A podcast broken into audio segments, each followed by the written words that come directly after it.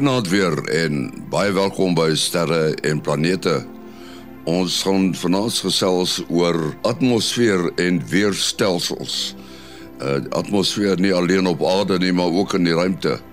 Ons het professor Hannes Zoutenbach van Akademia wat uh, deel is van die span vanaand en natuurlik ook vir professor Mati Hofman en Willie Koorts. Hannes, uh, wat is atmosfeer presies? Ja, as mens kyk na die definisies van 'n atmosfeer, atmosfeer uh, uh, word nou gewoonlik genoem 'n uh, massa van gasse uh, wat 'n hemelliggaam omring. Nou hierdie hemelliggaam is uh, normaalweg 'n soliede liggaam met met 'n oppervlak of dalk nie 'n oppervlak nie. Maar ehm uh, ja, dit is dit is die gasse en dit is nou nie die vloeistowwe en vaste stowwe wat mens in so 'n hemelliggaam vind nie. Uh, as mens kyk na die ehm um, atmosfeer, daar's 'n hele paar um, eienskappe. In die eerste plek uh, die atmosfere van verskillende hemelliggame, planete het verskillende samestellings hier op uh, aarde bestaan ons atmosfeer uit stikstof 78%, suurstof 20%, argon um, omtrent so 1% en dan ander elemente. En dan natuurlik 'n atmosfeer het ook die eienskap van atmosferiese druk. En die atmosferiese druk gewoonlik by die oppervlakte uh waarom hierdie atmosfeer geposisioneer is um uh, uh verteenwoordig natuurlik die um die gewig van die massa van die atmosfeer. Ons onthou atmosfeer bestaan uit klein deeltjies, daar's massa en um hier op aarde het ons gemiddelde lugdruk by die oppervlak as gevolg van hierdie massa van die atmosfeer uh van um 1013 13 uh millibars of hektopascal. Dan uh natuurlik die atmosfere bestaan ook uit lae. Die lae word veroorsaak natuurlik deur uh temperatuurveranderinge in hierdie atmosfeer. Hier op die aarde is ons natuurlik die troposfeer so 12 km gemiddeld diep waarin alle aktiwiteite van wolkvorming ensovoorts voorkom.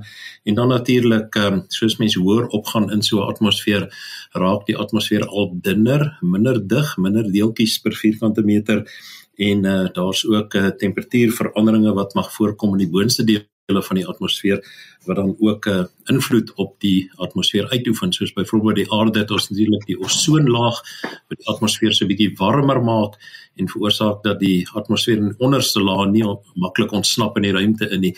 Mense kan maar net kyk na die donderwolke se bokant wat natuurlik uh, uitsprei as gevolg van die uh, toename in temperatuur hier uh, 25 km hoog. So in kort, dit is 'n atmosfeer en so 'n paar van die eienskappe van 'n atmosfeer. Nou as jy vra natuurlik hoe ontstaan atmosfeer?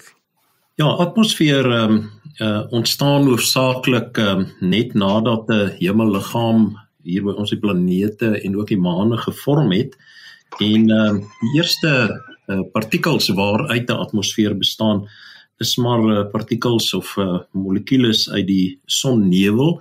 Nou die sonnevel is maar die wolke uh, van stof waaruit hemelliggame geskep word en die elemente hier is maar basiese waterstof en helium die twee heel ligste uh, elemente op die periodieke tabel. Uh, ons weet dat ons son uh, bestaan hoofsaaklik uit hierdie twee elemente en dan ook die atmosfere van Jupiter en Saturnus, twee groot planete bestaan ook uit waterstof en helium. Omdat waterstof en helium baie lig is, dryf dit uh, rond en dit ontsnap uh, baie gou uit so 'n atmosfeer uit. En uh, dan natuurlik uh, word die atmosfeer gevorm deur uh, uitbarstings uh, van die interne gebiede van 'n uh, hemelliggaam of 'n planeet. In ons geval is dit normaalweg vulkaniese uitbarstings. En uh, in hierdie vulkaniese uitbarstings uh, kry mens dan uh, stowwe soos uh, waterdamp in die geval van die aarde koolstofdioksied, uh, metaan en ander uh, um, molekules wat dan in die ruimte bo die oppervlak vrygestel word en um, dit is dan uh, wat uh, ons dan sien as die atmosfeer wat dan gevorm word um, na um, hierdie uitbarstings. Um, in die uh, vulkaniese uitbarstings uh, ons oeratmosfeer het natuurlik soos uh, die vulkane veroorsaak het uh, um, ontstaan uit stoom, bestaan uit stoom, koolstofdioksied en dan ook ammonia en dan ook metaan. Maar uh, mense moet besef dat 'n uh, atmosfeer ook ontwikkel, baie keer ontsnap van hierdie elemente in die ruimte in, maar hier op aarde het ons so um, 2.4 miljard jaar terug het ons iets gehad wat ons noem die groot oksidasie proses en in daardie geval uh, het uh, uh, die koolstofdioksied is deur die deur die oseane opgeneem en uh, in die oseane lewe ontwikkel wat toe uh, fotosintese tot gevolg gehad het en dit het uh, veroorsaak dat uh, suurstof in die atmosfeer vrygestel is. Uh, dit was natuurlik die eerste keer waar lewe die atmosfeer beïnvloed het. Ons praat nou van die kweekhuiseffek waar die mens die atmosfeer beïnvloed, maar die groot oksidasieproses was ook lewe wat die groot uh, verandering plaasgevind uh, veroorsaak het. En uh, hierdie uh, groot gebeurtenis het toe tot gevolg gehad dat die elemente begin stabiliseer het in die atmosfeer en dat ons die atmosferiese samestelling het soos ons dit vandag ken wat redelik konstant oor 'n hele lang tydperk was. Ja, is interessant dat jy net genoem het van die aarde se van die stikstof inhoud mense is geneig om te dink aan die aan sê ons het ons het 'n suurstof atmosfeer maar soos jy sê ons het eintlik hoofsaaklik stikstof en net 'n klein bietjie suurstof. So die die ehm um, die suurstof uh, uh het het eintlik eers later bygekom nê en is later gevorm in die in die atmosfeer. Ja, dis reg en dan die die interessante ding van die suurstof wat in die atmosfeer gevorm het, dit het ook uh, veroorsaak dat uh metaan wat in die atmosfeer was uh opgebreek het. En interessant, net na die groot oksidasie periode daar 'n klomp uh baie koue ystydperk ontstaan wat die mense toeskryf aan die uh, vermindering van metaan um, in die atmosfeer. So uh die kweekhuisgasse speel ook 'n baie belangrike rol en uh, ons ken dit vandag natuurlik as koolstofdioksied en waterdamp in die atmosfeer. Ja, dit is baie interessant dat die koolstofdioksied vrystellings waarvoor ons nou so versigtig moet wees.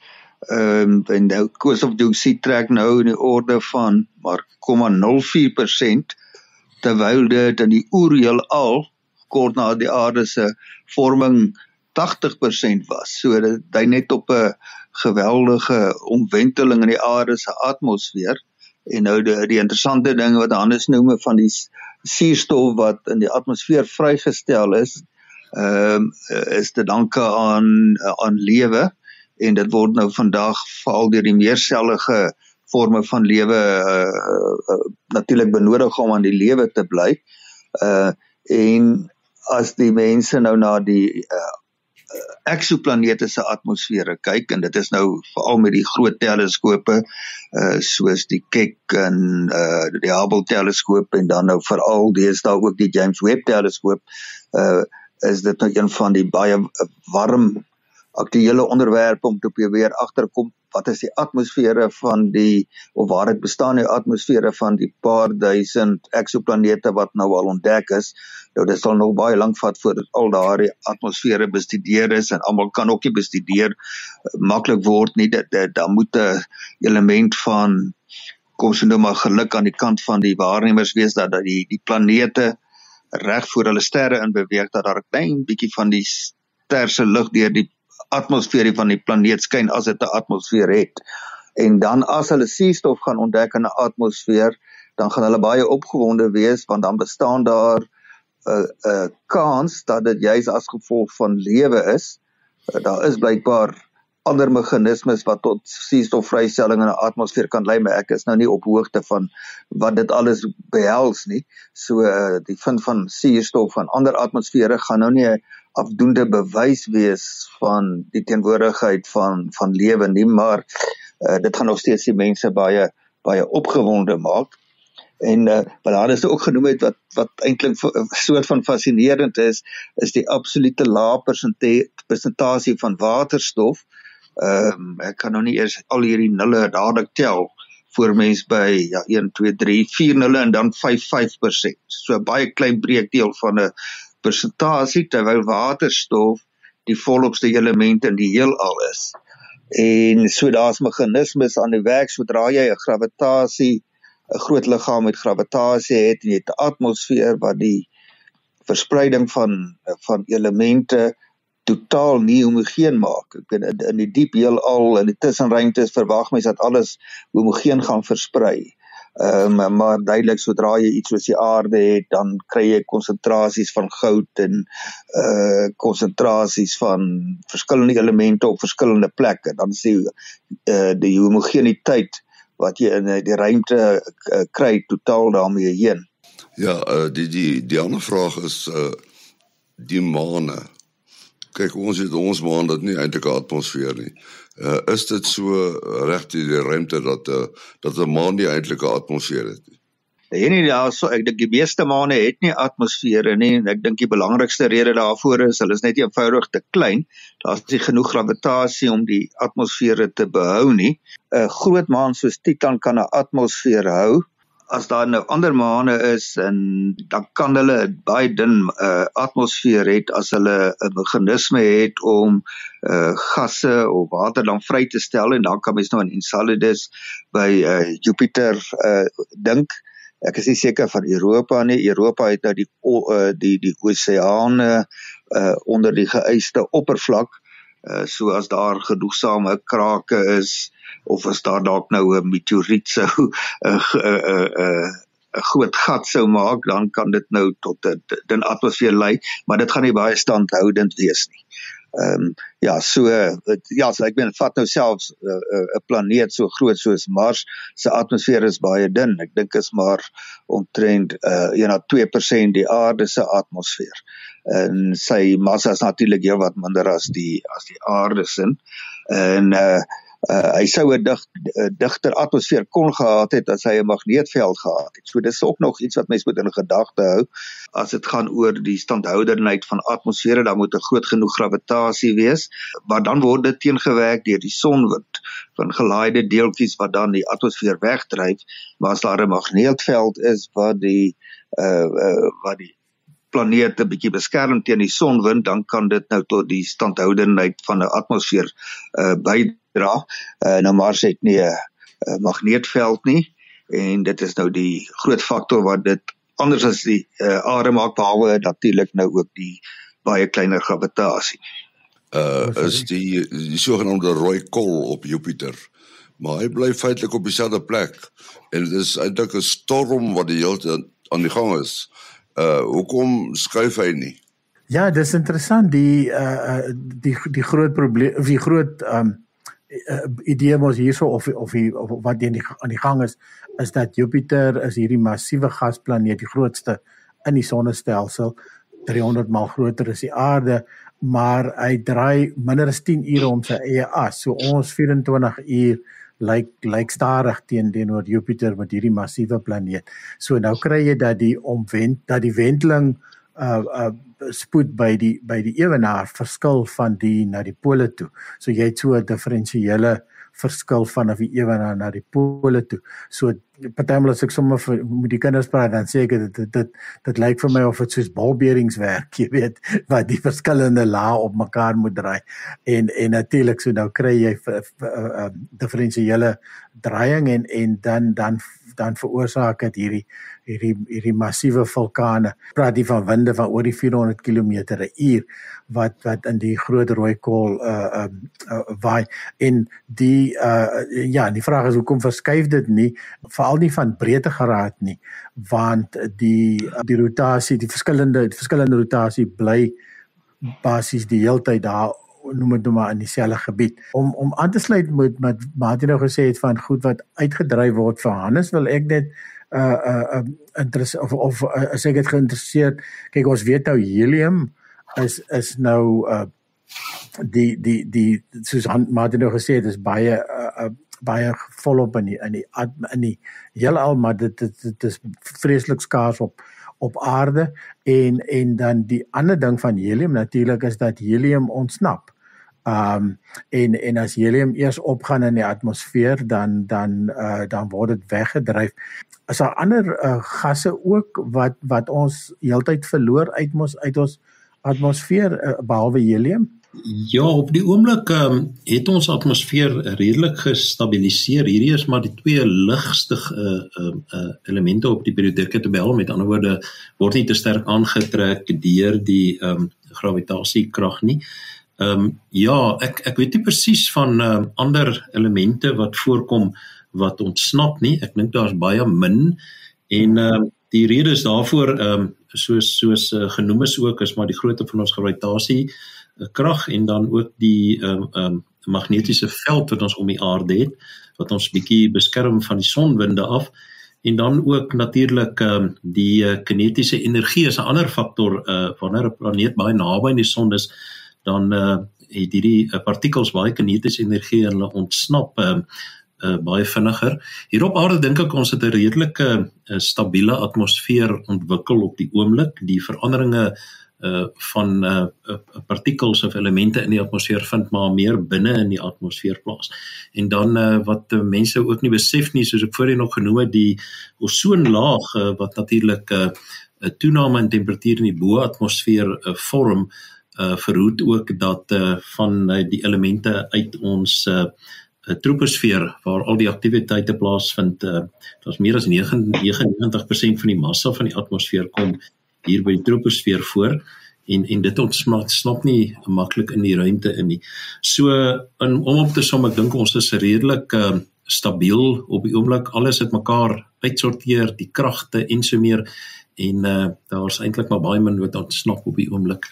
As ons 'n uh, bietjie terugkeer aarde toe, uh, hierdie geweldige hoë temperature wat nou ervaar word in die noordelike halfrond, is is dit maar die El Niño of is dit maar mensgemaak? Ja, dit is 'n baie interessante vraag. Ons kan dit ook koppel aan die atmosfeer en uh, daar is eintlik 'n direkte verband tussen wat ons nou beleef hierdie hoë temperature en die uh, verwarming van die aarde.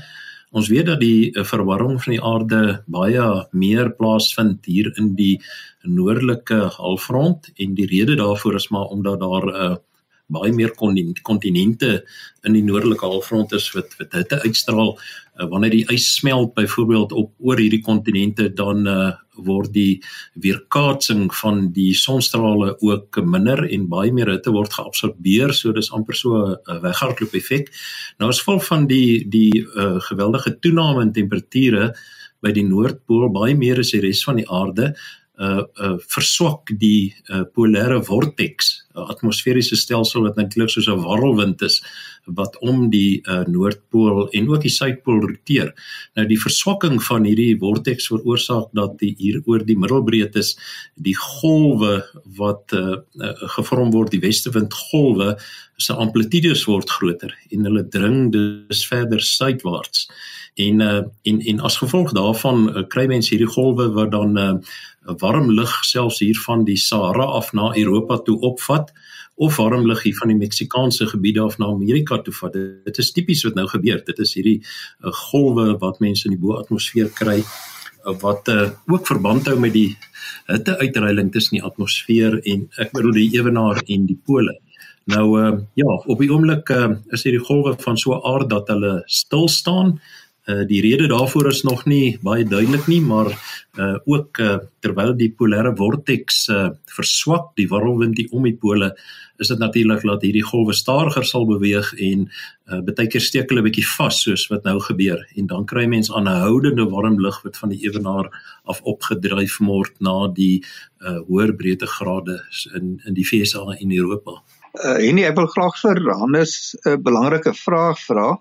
Uh, daar daar is mos nou maar baie omstredenheid oor die kom ons sê die bespiegelinge of voorspellings of besinning oor die uh langer termyn geskiedenis maar nou op die skaal van uh menslike breedte van 'n menslike leeftyd 'n paar dekades of so omdat die mense gebruik moet maak van rekenaarmodelle. Hoe lyk die vooruitsigte in terme van uh om al meer vertroue te kan opbou in die modelle uh is dit iets wat maar inherënt beperk sal bly omdat die atmosfeer so ingewikkeld is en daar soveel veranderlikes is of is daar hoop dat met meer meetinstrumente uh veral uit die ruimte uit uit satelliete uit en ook al kragtiger en kragtiger uh superrekenaars en kwantumrekenaars en so aan uh dat ons kon sê hoop nou maar sê oor 10 jaar kan sê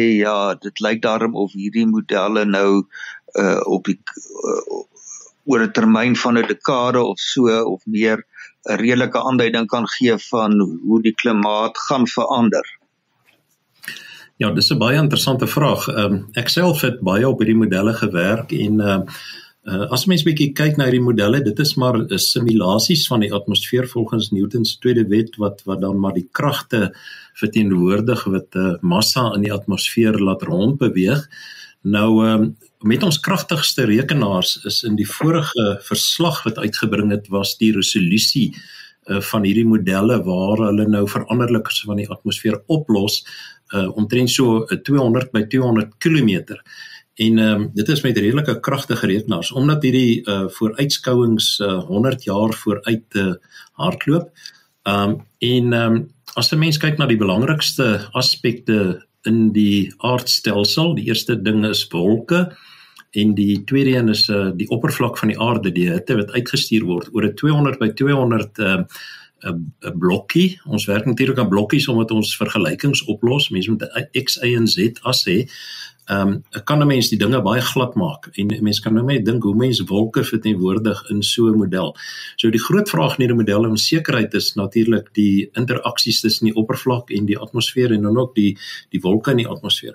En dan natuurlik verder die forsering na hierdie modelle toe. Die modelle word geforseer met hoër konsentrasies uh, koolstofdioksied wat dan uh, uh analoog meer hitte in hierdie modelstelsels insit en uh, ons uh, weet nie regtig uh, hoe gaan die koolstofdioksied in die toekoms verander nie. Ons kan dalk aan 'n aarde inbeweeg waar daai mense baie meer omgewingsvriendelik is ensovoorts of ons kan in 'n in 'n posisie inbeweeg waar almal net sê kom ons uh, brand uh, uh, fossiel brandstowwe uh, soos wat ons nou aangaan. So daar's ook onsekerheid buite in die modelle. Vir my is die belangrike en dis 'n baie baie belangrike punt wat genoem is dat ons ons waarnemings moet goed regkry. Hierdie is 'n proses wat relatief stadig plaasvind en ek dink met ons waarnemings uh, kan ons baie goeie idees vorm van wat waarheen ons op pad is ten minste vir die volgende 10 jaar uh, en so meer en en daar daarmee kan 'n mens redelik goed uh, uh, voorspel. So die modelle is nog baie onseker, maar uh, ons verbly in dat ons waarnemingsnetwerke baie beter word veral met satelliete ensovoorts in die ruimte uh, wat dan ook vir ons 'n baie goeie rigtingwyser is. Ja. Nou net aansluitend daarbey die klimaat of die weerpatrone as ons nou eerder na die korttermyn kyk dan uh, praat mens nou eerder van van weer en weerskommelinge. Uh, dit is in, inherent ook maar op en af met uh, fluktuasies wat sê maar op 'n skaal van 10 jaar verander. Uh hoe lank het mens nodig by wyse van van metings om te sê okay dit is nou lank genoeg om te sê hierdie is nie hierdie bepaalde veranderinge is nou nie maar net as gevolg van normale uh, weerskommelinge nie en uh, dit lyk na 'n langtermyn tendens. Want as 'n mens nou dit weet dan kan jy nou al begin sê die ouens moet 'n voorspelling maak sodat mens oor sê nou maar 10 jaar kan kyk uh kan mens vertroue daarin het werk dit redelik goed. Daar's mos nou maar altyd die moontlikheid dat mense aan mekaar wel ek sê wetenskaplikes sal dit seker oor die algemeen nie doen nie maar om hulle goed bietjie te manipuleer om uitkomste kry het hulle voorspellings wat hulle graag wil hê so daar daar moet mos nou maar kontroles wees vir wetenskaplikes om te sê jou model het gewerk of nie Ja, die die modellopies wat uh, deesdae gedoen word uh, word hoofsaaklik opgetel in 30 jaar periodes. Uh 30 jaar word deur die wêreld weerkundigheidsorganisasie beskou as 'n standaard klimaat. Uh, mens kan nie periodes so kort as dit gebruik nie. So die modellopies wat uh, gedoen word uh, skop af 30 jaar in die verlede in. Ehm um, so die modellopies wat nou gedoen word het omtrent hier in 1990 begin hulle en dan gebruik hulle die waargeneemde uh, koolstofdioksied en ook oppervlakforserings en so en so meer om die model na te hardloop vir 'n periode van 30 jaar. En dit is dit vorm dan 'n baie goeie basis uh, om 'n vergelyking te tref tussen uh, wat in die toekoms mag gebeur. So ehm um, ja, as 'n mens hierdie model uitvoer 'n historiese 30 jaar Uh, mens kan dit natuurlik dan ook vergelyk met werklike waarnemings en dan kan mens sê hoe goed die model is en mense kan dit gebruik as 'n maatstaf van hoe goed die model in die toekoms mag mm-hmm. wees. So baie van die modelle is is nie te goed op die oomblik nie. Hulle oorskat bietjie die temperature. Uh, maar dit is ja. Ja. Ja, so ja. hoeveel goeie voorspellings uh was er reeds 30 jaar gelede gedoen. Dis 'n lang tyd terug. So oor 30 jaar sal hulle seker nou van nou af met die nuutste tegnologie, maar dis 'n lang tyd om te wag. Uh ja, so in daardie geval dis 'n 'n groot onderwerp uh wat baie mense nog oor baie gaan koppe krap, maar ek dink dit is natuurlik 'n baie baie belangrike saak vir die hele al die beskawings op die aarde. Mate ons moet afsluit. Wat is jou uh, besonderhede? Uh selfoonnommer uh, veral gerieflik vir WhatsApp is 0836257154. 0836257154. Uh Hannes, wil jy jou e-posadres gee of liewer nie? Ja, ek sal my selfoonnommer is 0824806579. 0824806579 en my uh, e-pos is hannes@akademia.ac.za. En Billy. Uh selfoonnommer 0724579208. 0724579208. Nou ons dank aan uh, professor Hannes Rittenbach van Akademia wat uh, so 'n bietjie kom gesels het oor atmosfere. Atmosfeer op die aarde en dit is ook in die ruimte. As jy met uh, ons in verbinding wil tree, daar is 'n uh, adres en dit is sterreplanete@gmail.com. sterreplanete@gmail.com. Tot volgende week. Alles van die beste.